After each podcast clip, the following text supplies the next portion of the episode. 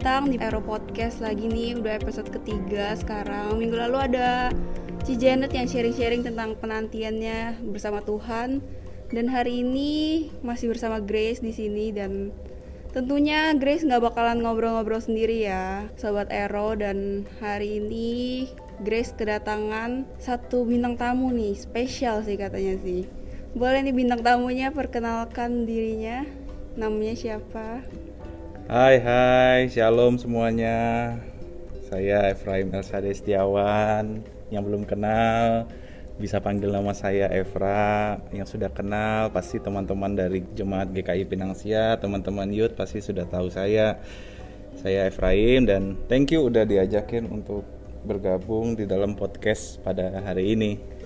Wow, kayaknya agak terkenal nih ya si Pak Efra ini ya. Kayaknya semua orang tahu nih GKI Pinangsia tahu nih Pak Efra siapa ya. Masa? ah, ini suka bercanda ini. Oke, sekarang Pak Efra ini kesibukannya lagi ngapain sih? Kalau kesibukan sih saya ada dua. Yang pertama saya sibuknya menyibukkan diri. Oh enggak lah ya. Menyibukkan diri. enggak enggak. Yang pertama saya melayani ya itu ya sebagai hamba Tuhan part time di GKI Pinangsia di bidang ibadah. Kemudian saya juga full time di satu perusahaan bekerja di satu perusahaan di Jakarta juga sama. Hmm, berarti orang kantoran dan Anak kantoran dan anak gerejawi. gerejawi. Oke. Anak gerejaan. Gerejaan, kantoran dan gerejaan ya. Oke oke, kantoran dan gerejaan. Oke. Susah nih pengejaannya. Ini kan pelayanan di gereja berarti jadi hamba Tuhan lah ya gitu. Betul. Em, dari kecil emang udah ke gereja nih. Dari kecil, iya. Dari kecil emang udah ke gereja. Dari baru lahir kali ya. Dari sejak lahir karena ya memang dari dari dulu memang saya ini anak ketiga, anak ketiga dari tiga bersaudara. Kebetulan ya memang kita semuanya cowok ya, cowok semua yang mama saya lah yang paling cakep di rumah itu Oh, betul intinya. betul. Yang jelas kita sekeluarga memang sudah lahir, sudah percaya dan mengimani bahwa Yesus Kristus itu adalah satu-satunya jalan keselamatan hidup. Jadi buat kita ke gereja itu sudah sudah menjadi kegiatan yang sudah sejak kecil kita lakukan, baik dari kakak-kakak saya sama sampai saya kayak gitu. Oke. Pas dulu kecil nih, pernah nggak sih ngerasa kayak bosen atau males ke gereja kayak, aduh hari Minggu pengennya main sama teman-teman tapi harus ke gereja dulu nih. Pernah ra- rasain kayak gitu nggak sih pas kecil gitu? Nah, kalau dari kecil sebenarnya ditanya bosan apa enggak? Sebenarnya nggak bosan. Hmm. Mungkin zaman sekarang dengan dulu beda ya. Kalau sekarang anak-anak itu nggak bosannya kalau misalnya bukan di gereja. Kalau di saya dulu masih di kampung ya tinggalnya. Karena kan saya kan lahirnya bukan di daerah Jakarta atau daerah Jawa, saya di Sumatera di Bengkulu. Di sana sih pergi ke gereja itu tuh sebuah kesenangan karena kita bisa main bareng, kita bisa ketemu ngobrol teman-teman ketemu teman bareng, kemudian di luar sekolah dan di gereja sama aja temannya juga itu itu aja dan kita nggak pernah bosen sih dengan kegiatan di gereja karena di sana ada aktivitas kebersamaan ada kekeluargaan. Hingga ya kita juga sesama teman-teman kita yang sesama seumuran kayak gitu ya kita jadi teman yang harmonis. Cuman kalau secara pribadi saya bukan bosen tapi kalau saya tuh tertekan. Kenapa tuh? Nah, kenapa sih tertekan? Kalau orang mungkin bo- bosan ya, bosan dengan ke gereja. kayak- Kalau saya tuh tertekan, tertekannya di mana? Itu beda ya. Kalau tertekan itu kayaknya sesuatu tuntutan gitu. Mm-mm. Saya senang dengan teman-teman remaja. Saya senang berkegiatan di gereja. Tapi saya tertekan. Tertekannya apa? Karena saya menjandang status anak hamba Tuhan gitu loh Hmm, ada label itu ada ya. label nah jadi saya terbatas semuanya itu serba terbatas mau berkomunitas mau bergabung sama orang mau ngob- Hmm. mau ngobrol sama orang itu semuanya serba terbatas jadi sebenarnya happy nggak bosen juga cuman ya tertekan aja Ada pressure-nya gitu ya. ya begitulah jadi anak hamba Tuhan Oke, berarti orang tua lu ini am- hamba Tuhan dua-duanya. betul sejak Oh. kecil memang keluarga udah sejak hamba Tuhan jadi gue Hmm. juga dilahir dan dididik dari keluarga hamba Tuhan Hmm. Tapi pengen tahu dong gue, pas dulu sekolah tuh lu bandel nggak sih sebenarnya? Waktu sekolah, waduh, kalau waktu sekolah itu tuh bandel tuh pasti, karena itulah momen-momen yang paling mengindah dalam hidup. Nih, misalnya apa sih? Misalnya ya kayak yang nggak tahu ya sekarang masih kayak gitu nggak ya titip absen lah Oh, bolos iya, sekolah iya, iya. lah bolos les lah bolos chapel lah bolos kegiatan sekolah yang nggak menarik ah itu sering banget tuh Oh, betul betul waktu SMP tuh udah nggak pernah belajar. Wah gila. SMP tuh nggak pernah belajar. Kenapa? Dulu tuh ada perlombaan namanya FLS 2N Oh, Festival tahu. Tuh. Lomba Seni Tingkat Nasional gitu. Nah gue kan punya keahlian tuh ya. Sombong dikit lah ya. Oke oke. Ini ajang sombong Iya, ya ajang guys. sombong ini. gue kan punya keahlian. Ya kalau dalam bermusik main piano gitu kan. Nah, bermusik di piano ini sudah jadi bagian yang menarik buat kegiatan festival lomba seni ini. Bahkan ada ajang lomba cipta lagu. Oh, jadi gue setiap kegiatan, acara kegiatan kayak gitu tuh pasti selalu dilibatin. Nah, karena jarang juga kali yang bisa ya? Betul, nggak ada juga di kampung. Dulu tuh oh. saya tuh 12 2013 waktu ke Jakarta baru pertama kali nyentuh namanya piano. Dan tahu itu namanya piano. Di kampung itu saya cuma megang keyboard yang harganya mungkin berapa jutaan. Mungkin kalau keyboard pribadi saya juga paling harganya yang 400 ribu yang tutsnya sekali dipencet bisa dua kali bunyi. Saking murahnya ya. Aduh, malu jadi. Tapi balik lagi kenapa gue males? Kenapa gue jadi orang yang memang uh, bolos lah dan sebagainya? Ya itu karena udah punya keahlian. Dengan keahlian itu semuanya itu tuh bisa disulap. Nilai bisa disulap lah nilai uh, kegiatan-kegiatan sekolah dibiarin aja. Karena apa? Membawa nama sekolah dengan baik. Intinya udah ya gitu. Jadi enak. Apa yang gue kerjain apa yang gue lakuin ya udah di- diterima berdasarkan karena ya saya sudah berkorban dan sudah menyumbang sesuatu buat sekolah. Oh, berarti mungkin Aji mumpung lu- tuh. Iya iya, sekolah lu berarti juga ini ya kayak aduh udahlah nilai bagusin aja sih. Betul. Efraim udah udah kasih juara nih buat sekolah ini. Waduh masa- betul banget tuh. Emang kalau di sekarang sekarang masih ada nggak gitu? Mungkin di beberapa sekolah masih ada kali Masih ya. ada ya. Berarti nggak hilang ya budaya kayak gitu ya. Harusnya itu harusnya dihilangin tuh jelek banget tuh. Jadi kayak nggak tahu gitu kemampuan akademis lu sebenarnya bagus atau enggak. Nah karena- itu dia tuh. Tapi mulai SMA sih ya menyadari diri lah. Agak waras lah. Sedikit waras lah. Oke. Tapi ya ya itu masih suka berantem lah. Kalau telatnya masih suka telat. Bolos ya masih suka bolos. Dulu tuh selalu SMA. Itu tadi zaman SMP ya. Kalau zaman SMP mah kayak begitu. Kalau SMA sih saya tuh pernah bikin satu kelas itu tuh pada semuanya nggak dateng gitu. Waduh. Karena- bandel juga ya Anda ini ya. Ka- karena gurunya menyebalkan ya. Padahal gurunya itu tuh adalah anaknya itu teman dekat saya tuh. Oh. Berarti bapak atau emaknya nih. Mamanya nih, mamanya yang guru nih. Tapi saya sebel sama gurunya. Tapi anaknya sama saya ya udahlah mau gimana lagi dan pokoknya sebel kan. Nah kalau sebel jadi ajakin teman-teman ya. Jadi karena saya bertemannya dengan anak-anaknya nakal ya. Hmm. Ya waktu di sekolah kalau sama dia kita sempat bilang, eh jangan pada ada yang masuk ya ke kelas ke ibu titit gitu. Oh, ya. Nanti lu orang pada nggak balik dah gitu. Iya iya iya iya. Udah padahal anak-anak pada nurut. Memang habi- habitnya memang udah nakal juga tuh anak-anak di, di sekolahan juga. Lu ini ketua geng dulu di sekolah. Enggak lah, gua Oh, mah cuma pengikut aja. Oh, pengikut dan penghasut ya. Iya penghasut. tuh. Kayaknya menghasut kayaknya. Ya gitu, akhirnya semuanya pada ikut. Pas datang si ibunya kelas kita tuh udah dikunci nggak ada ya orang. Oh. Diam aja sih gurunya. Hebat juga. Oke, ngomongin soal sekolah nih, pas SMA udah akhir-akhir kan pasti lu kayak milih abis ini gue mau kuliah apa nih, gue pengen jadi apa gitu. Nah, lu ini langsung kuliahnya kuliah teologi kah atau sebelumnya lu ada kuliah yang jurusan lain gitu? Oke, nah tadi kan sisi jeleknya, ini sisi baiknya kita ngomong ya. Oh, Oke oke. Kalau ngambil di teologi itu memang sudah sejak awal dan bahkan se- sejak SM, SMA itu saya juga udah bertobat walaupun ya masih terus belajar ya. bandel lah ya. walaupun masih bandel terus belajar masih nakal cuman ya memang di sana momen-momen saya kembali ketemu Tuhan mengenal Tuhan tuh di sana Hmm. sebenarnya kenapa sih pada padahal anak pendeta tapi kok momen bertam- bertemu berjumpa dengan Tuhannya baru di SMA sebenarnya tuh sejak kecil ya udah kita di, udah diajarin ya. Kok kok kok- saya juga udah diajarin tentang apa siapa itu Tuhan bagaimana Tuhan mengasihi kita bagaimana Tuhan itu selalu ada buat kita.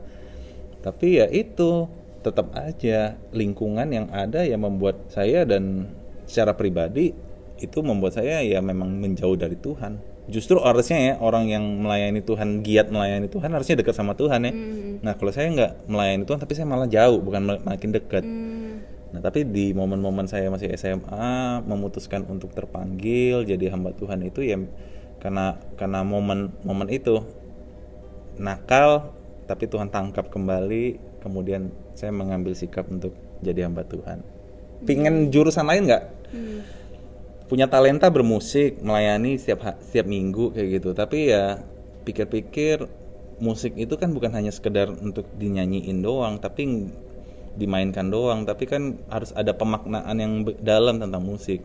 Jangan sampai main musik kayak nggak beda dengan apa yang gue mainin di dunia sekuler dengan di gereja jangan sampai jangan sampai sama gitu loh. Hmm. makanya gue menyimpulkan dan memutuskan untuk ambil musik tapi bukan sarjana musik tapi lebih kepada konseptual dalam musiknya jadi gue jadi ambilnya tuh teologi yang bela- yang mengupas Musik. tentang ibadah gerejawi gitu Iya. kali ya jadi se- sebagai sarjana teologi yang mengupas musik di dalam ibadah kayak Oh, begitu berarti di jurusan teologi itu ada banyak macam berarti ya Betul, kalau di teologi itu ada tiga waktu di tempat kampus gue tuh. Yang pertama itu teologi jurusan uh, konsentrasi, ah, bukan jurusan, konsentrasinya itu teologi yang penggembalaan. Hmm. Yang kemudian ada teologi yang memang konsennya di PAK dulu ya, pendidikan agama Oh, Kristen. jadi guru agama lah ya Iya, yang ketiga itu yang gua bidang ibadah. Hmm. Teologi konsentrasi di bidang ibadah. Nah, itu yang gua ambil dan gue memutuskan untuk ambil itu. Oke, berarti itu momen-momen kayak lu sadar lah ya kalau misalnya walaupun lu udah sebandel apa pun tapi Tuhan tetap jaga lu gitu lah ya. Betul. Ini kalau boleh tahu Pak Efra umurnya berapa? Tebaklah umurnya berapa nih? Waduh. Tahu nggak? Oh ini beda satu tahun sama Civina ya. Ini anak pemuda kita juga Civina berarti kira-kira tahun 95 ya? Ada kisi-kisi ya? Nggak ada nih contekannya, nggak ada. Ya, saya tahun 95, 25 tahun sekarang. berarti 25 tahun gitu kan. Em, sekarang kan kalau misalnya dilihat di masyarakat lah gitu 25 tahun pasti orang kayak lagi gencar-gencarnya naikin karirnya punya bisnis itu ini itu.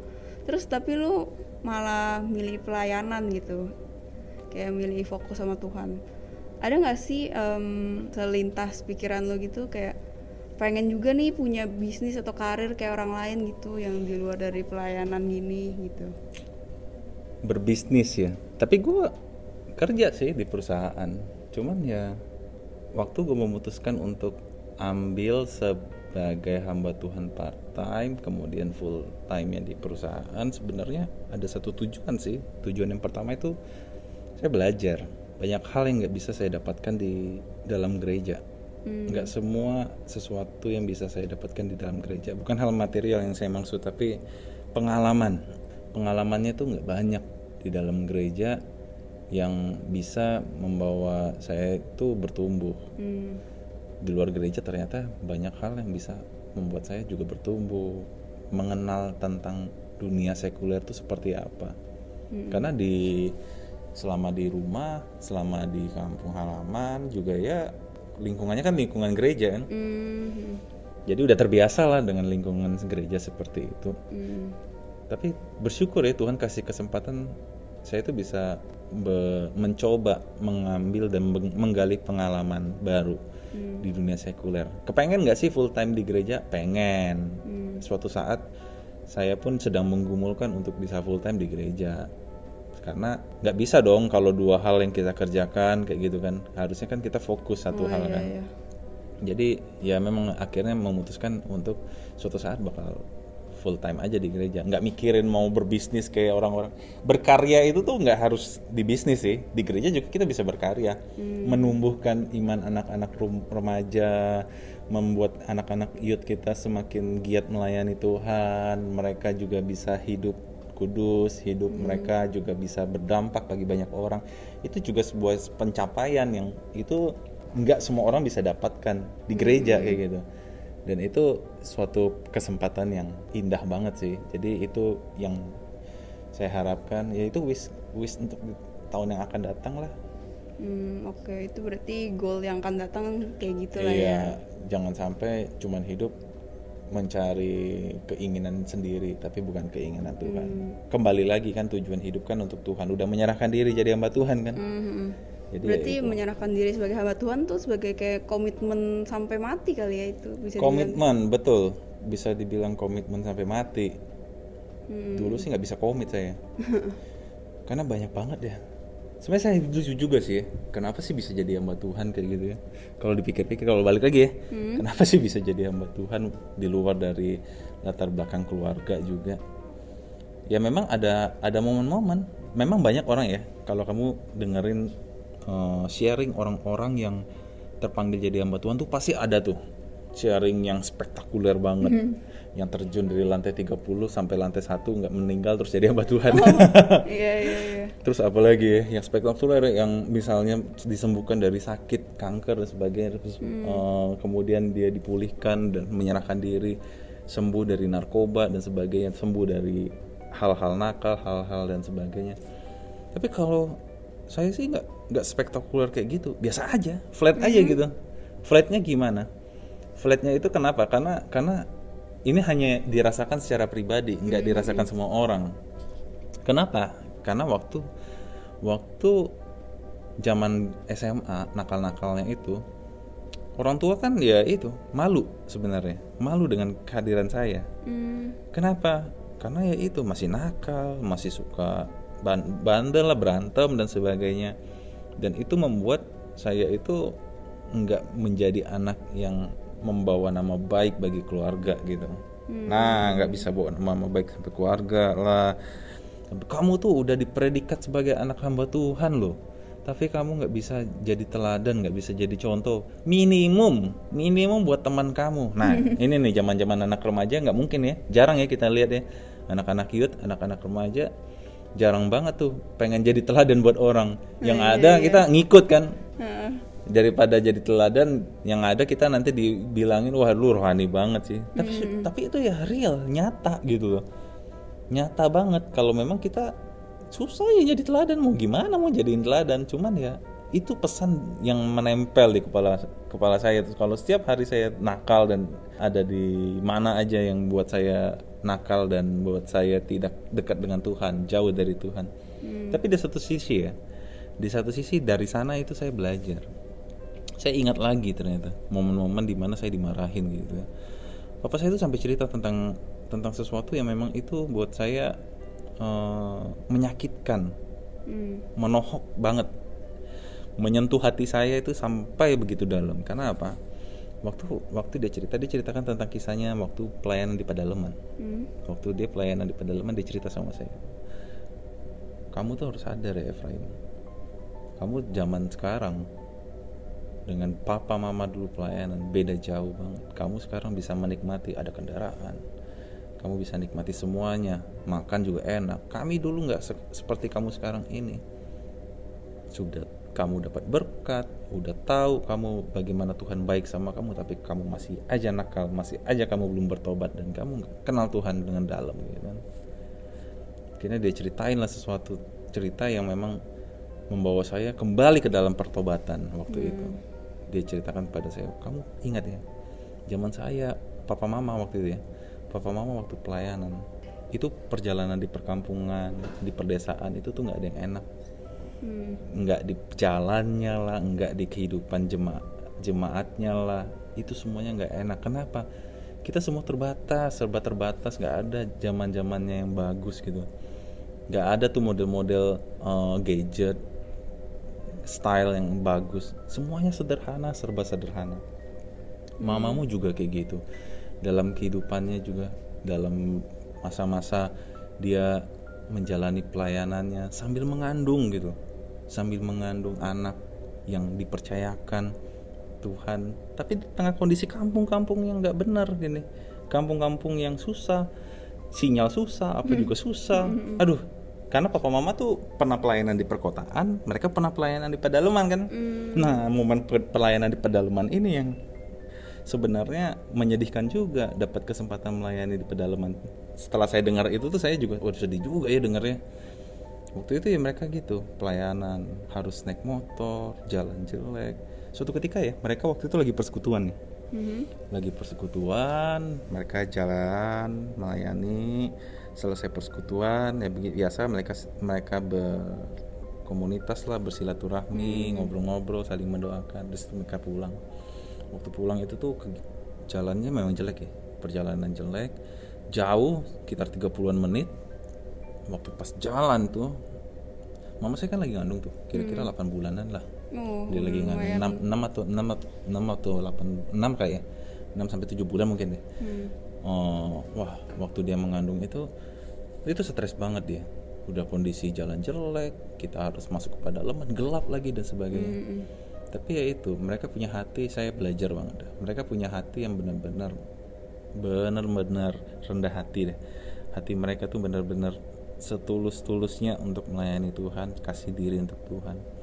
Tapi ada satu kejadian yang menegangkan. Waktu waktu mereka dalam perjalanan itu kondisi jalan yang bergelombang yang nggak baik yang nggak enak banget terjadi itu waktu itu mereka terjadi kecelakaan. Kecelakaannya gimana?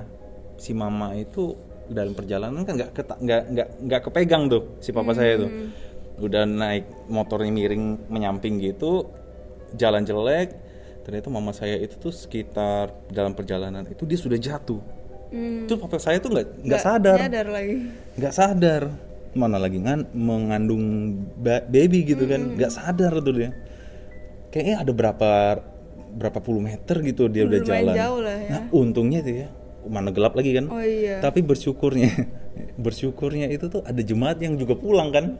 Oh, oh, oh. ada jemaat yang udah pulang tiba-tiba ngeliat loh si ibu kok kenapa di sini? katanya kan. Dilihat udah pada udah jatuh udah aduh tolong tolong kayak gitu kan. Hmm.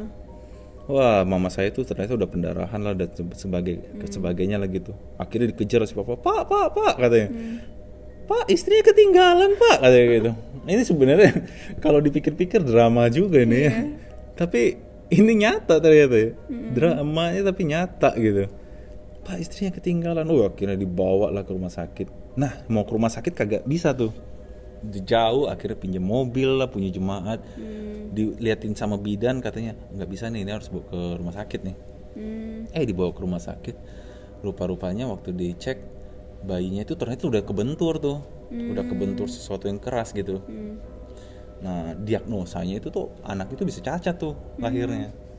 Diagnosanya tuh anaknya bisa cacat. Dengan dengan dengan kondisi yang nggak baik. Oh akhirnya papa mama saya bilang oh, oke lah dok. Terima kasih untuk oh, diagnosanya. Papa saya sudah mikir seribu kali gimana ini caranya? Gimana ini caranya nama gue jelek katanya. Nama gue jelek gitu. Itu masih jelek ya papa saya dulu. Masih keras banget papa saya itu. Orang-orang pasti akan ngeliat, ngeliat anak pendeta tapi anaknya cacat gitu kan. Memalukan gitu. Karena dengar kayak gitu mikir nama baik ya. Habis mikir nama baik akhirnya dia bilang udah deh jangan dilahirin deh kalau cacat. Mending di eh, aborsi aja. Biarin aja daripada kita dapetin anaknya cacat kan. Malu-maluin keluarga gitu gitu. Tapi mama saya marah besar gitu. Nggak boleh gitu. Mau dia cacat mau dia apa saya akan tetap membuat dia tetap lahir dan dia tetap ada di dunia ini. Akhirnya papa saya ngebrontak lah.